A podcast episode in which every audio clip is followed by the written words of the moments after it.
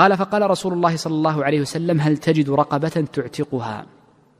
قال لا. قال فهل تستطيع أن تصوم شهرين متتابعين؟ قال لا. قال فهل تجد إطعام ستين مسكينا؟ هذه الجملة استدل بها جماهير أهل العلم على أن كفارة المواقع لأهله في نهار رمضان إنما هي على الترتيب. لأن النبي صلى الله عليه وسلم سأله عن العتق فلما عجز عنه نقله إلى الصيام ثم نقله بعد ذلك إلى الإطعام فدل على أنها للترتيب. وروى مالك رواية من طريق محمد بن شهاب الزهري عن نفس حديث أبي هريرة أن النبي صلى الله عليه وسلم قال له فأعتق أو صم أو تصدق واستدل بها مالك وأصحابه وهي رواية في مذهب أحمد لكنها رواية ضعيفة. على أن الكفارة للمجامع في نهاية رمضان على التخيير وليست على الترتيب. ولكن الظاهر أن النص هنا صريح جدا وهو أصح في باعتبار الشواهد في الحديث أنه رتبه عليه. في حديث أبي هريرة في حديث عمرو بن شعيب وغيره إنما جعله النبي صلى الله عليه وسلم على سبيل الترتيب. فلما عجز عن الأول انتقل للثاني. هذا واحد. الأمر الثاني أن هذه الجملة لما قال وسلم هل تجد رقبة تعتقها؟ استدل به فقهاء الحنابلة على أن الجماع أو من جامع في نهار رمضان متعمدا أو ناسيا فإن عليه الكفارة لا فرق. قالوا لأن النبي صلى الله عليه وسلم لم يسأله أكنت متعمدا وإنما أطلق وإنما أطلق. طيب تقولون لي القاعدة قبل قليل هذه مفردات المذهب؟ أنهم يرون أن المجامع ناسيا في نهار رمضان تجب عليه الكفارة من مفردات المذهب. وأما الجمهور فعلى خلافه وهو اختيار شيخ الإسلام الرواية الثانية. قد تقولون طيب قبل قليل ذكرت أن النسيان يجعل ماذا؟ الموجود معدوما. طيب الجماع نسيان مثل الأكل موجود.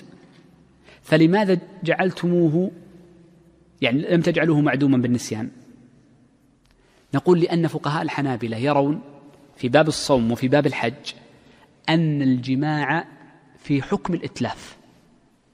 وعندهم أن المتلفات أن المتلفات لا يعذر فيها بالنسيان. كما أن المرء لو نسي فأتلف مال امرئ.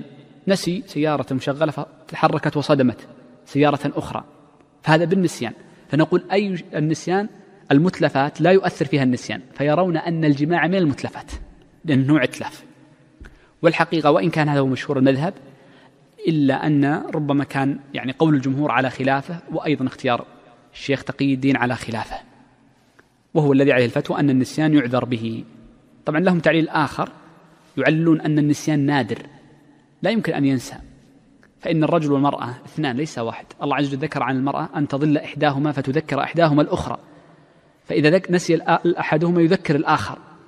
فالجماع بين اثنين. فتصور النسيان نادر. لا يمكن أن ينسى الاثنان معا. نقول نعم هذه تصور في حالات كثيرة لكن قد يوجد عقلا وقد يوجد وجودا الوجود يدل عليه أنه يكون الشخصان ناسيين يكون الشخصان ناسيين. نعم. آه هذا الحديث أيضا استدل به على مسألة مهمة وهي قضية أو أو خلينا نأخذ تقدير تقدير الأشياء الثلاثة ما هي؟ ثم ننتقل للتي بعدها.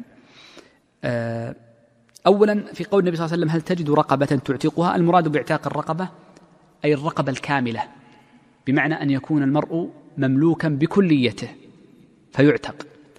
لا أن يعتق شركا له فلو كان اثنان مشتركين في رقبة واحدة إذا اعتق أحد الشريكين جزءه لا يجزئ عنه حتى يسري لأن من أعتق لو كان اثنين يملكان رقبة فأعتقاها فإنه يسري العتق إلى الجزء الثاني فيجب على الأول سواء كان في كفارة أو في غيره أن يدفع قيمة العتق للثاني فيسمى سريان العتق.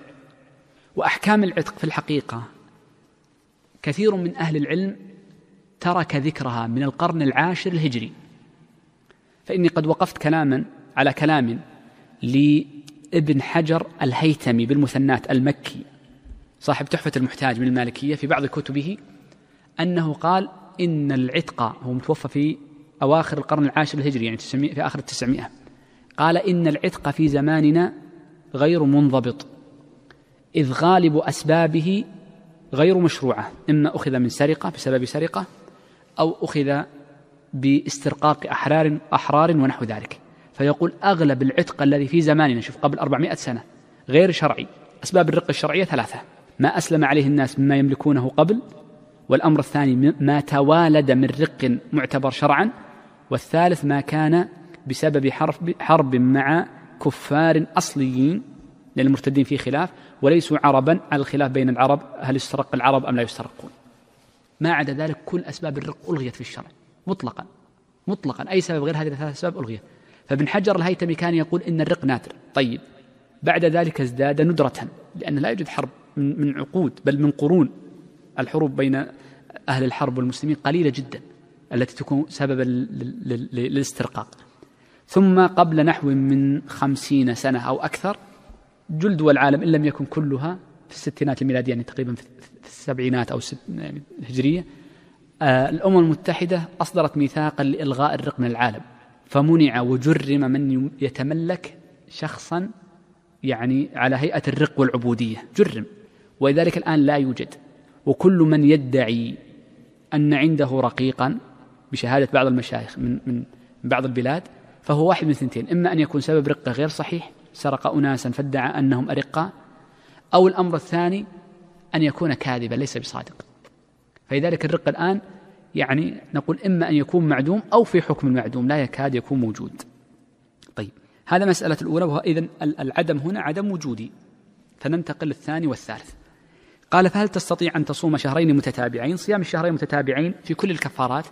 الفقهاء يقد لهم يعني يعني تقدير الشهرين يقولون يختلف بحالتين.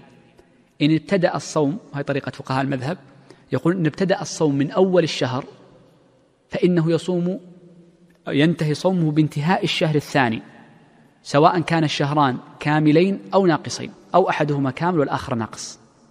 فقد يكون الشهران المتتابعان ستين يوما وقد يكون تسعة وخمسين وقد يكون ثمانية وخمسين. لأن صدق عليه الشهر لأن ابتدأ من أوله إلى آخره مرتين. ويقول الفقهاء لكن إن ابتدأ الصوم من غير غرته ولو من اليوم الثاني الثالث الرابع إلى منتهى الشهر فإنه لا بد أن يصوم ستين يوما. لأن النبي صلى الله عليه وسلم قال الشهر هكذا وهكذا وهكذا أي تسعة, تسعة وعشرين أو ثلاثين. فالأكمل في الشهور أن يكون ثلاثين فنأخذ بالأتم الأكمل. فلا بد أن يصوم ستين يوم ولو كان هذين الشهرين اللي صام فيهما أحدهما أو كلاهما ناقص عن 29 يوم. بل لا بد أن يتم 60 يوم. هذا هو المذهب. والمسألة فيها يعني خلاف بين أهل العلم لكن المشهور المذهب هذا وعليه الفتوى. طيب. آه قال لا. قول هذا الرجل لا أي لا أستطيع الصوم. جاء في بعض الروايات أن سبب عدم عدم قدرته على الصوم إنما هو شبقه. ولذلك قال وهل يعني أوقعني ما أوقعني فيه إلا الصوم؟ استدل به جمع من أهل العلم ونص عليه الإمام أحمد في رواية صالح بن ابنه أن المرء إذا كان لا يستطيع الصوم مطلقا سواء في كفارة أو في أو في فريضة وسبب عدم الصوم هو شدة الشبق أنه يطعم عن يومه فيكون حكم حكم الزمن الذي لا يستطيع الصوم. نص عليها أحمد واستدل بهذا الحديث. أيضا نستدل بهذا الحديث على مسألة مهمة وهذه الجملة على مسألة مهمة أن تحقيق المناط. باعتبار الأشخاص إليهم وليس للمفتي.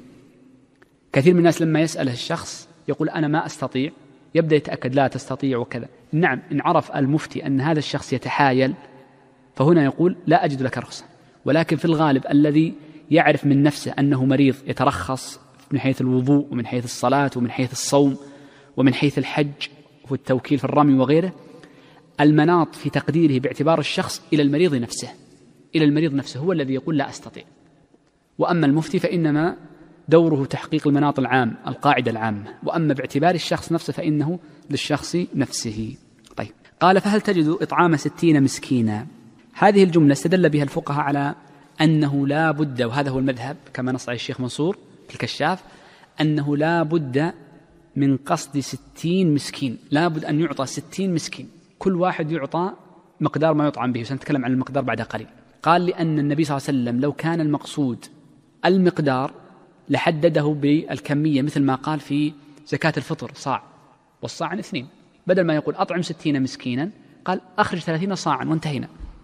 فلذلك نقول إن إن هذا الحديث يعني أن أنه لابد من الستين. إلا أن يشق عليه الستين فيجوز له أن يعطي أقل منهم. ما نقول يعطي واحد ما يكفي ستين يوما. أو يعطي آه، اثنين ثلاثين وهكذا لا لابد من القصد العدد. وهذا هو المذهب. والحقيقة أن العقوبة في قصد ستين مو بنوع عقوبة نوع, نوع تعزير. لكي يبحث عن ستين محتاج هذه من مقاصد الشريعة أن يبحث عن عدد أكبر من المحتاجين. أن يبحث عن عدد أكبر. وكي لا تتجمع الصداقات عند أحد من الناس وإنما يبحث لعدد أكبر. نعم. أكبر. نعم.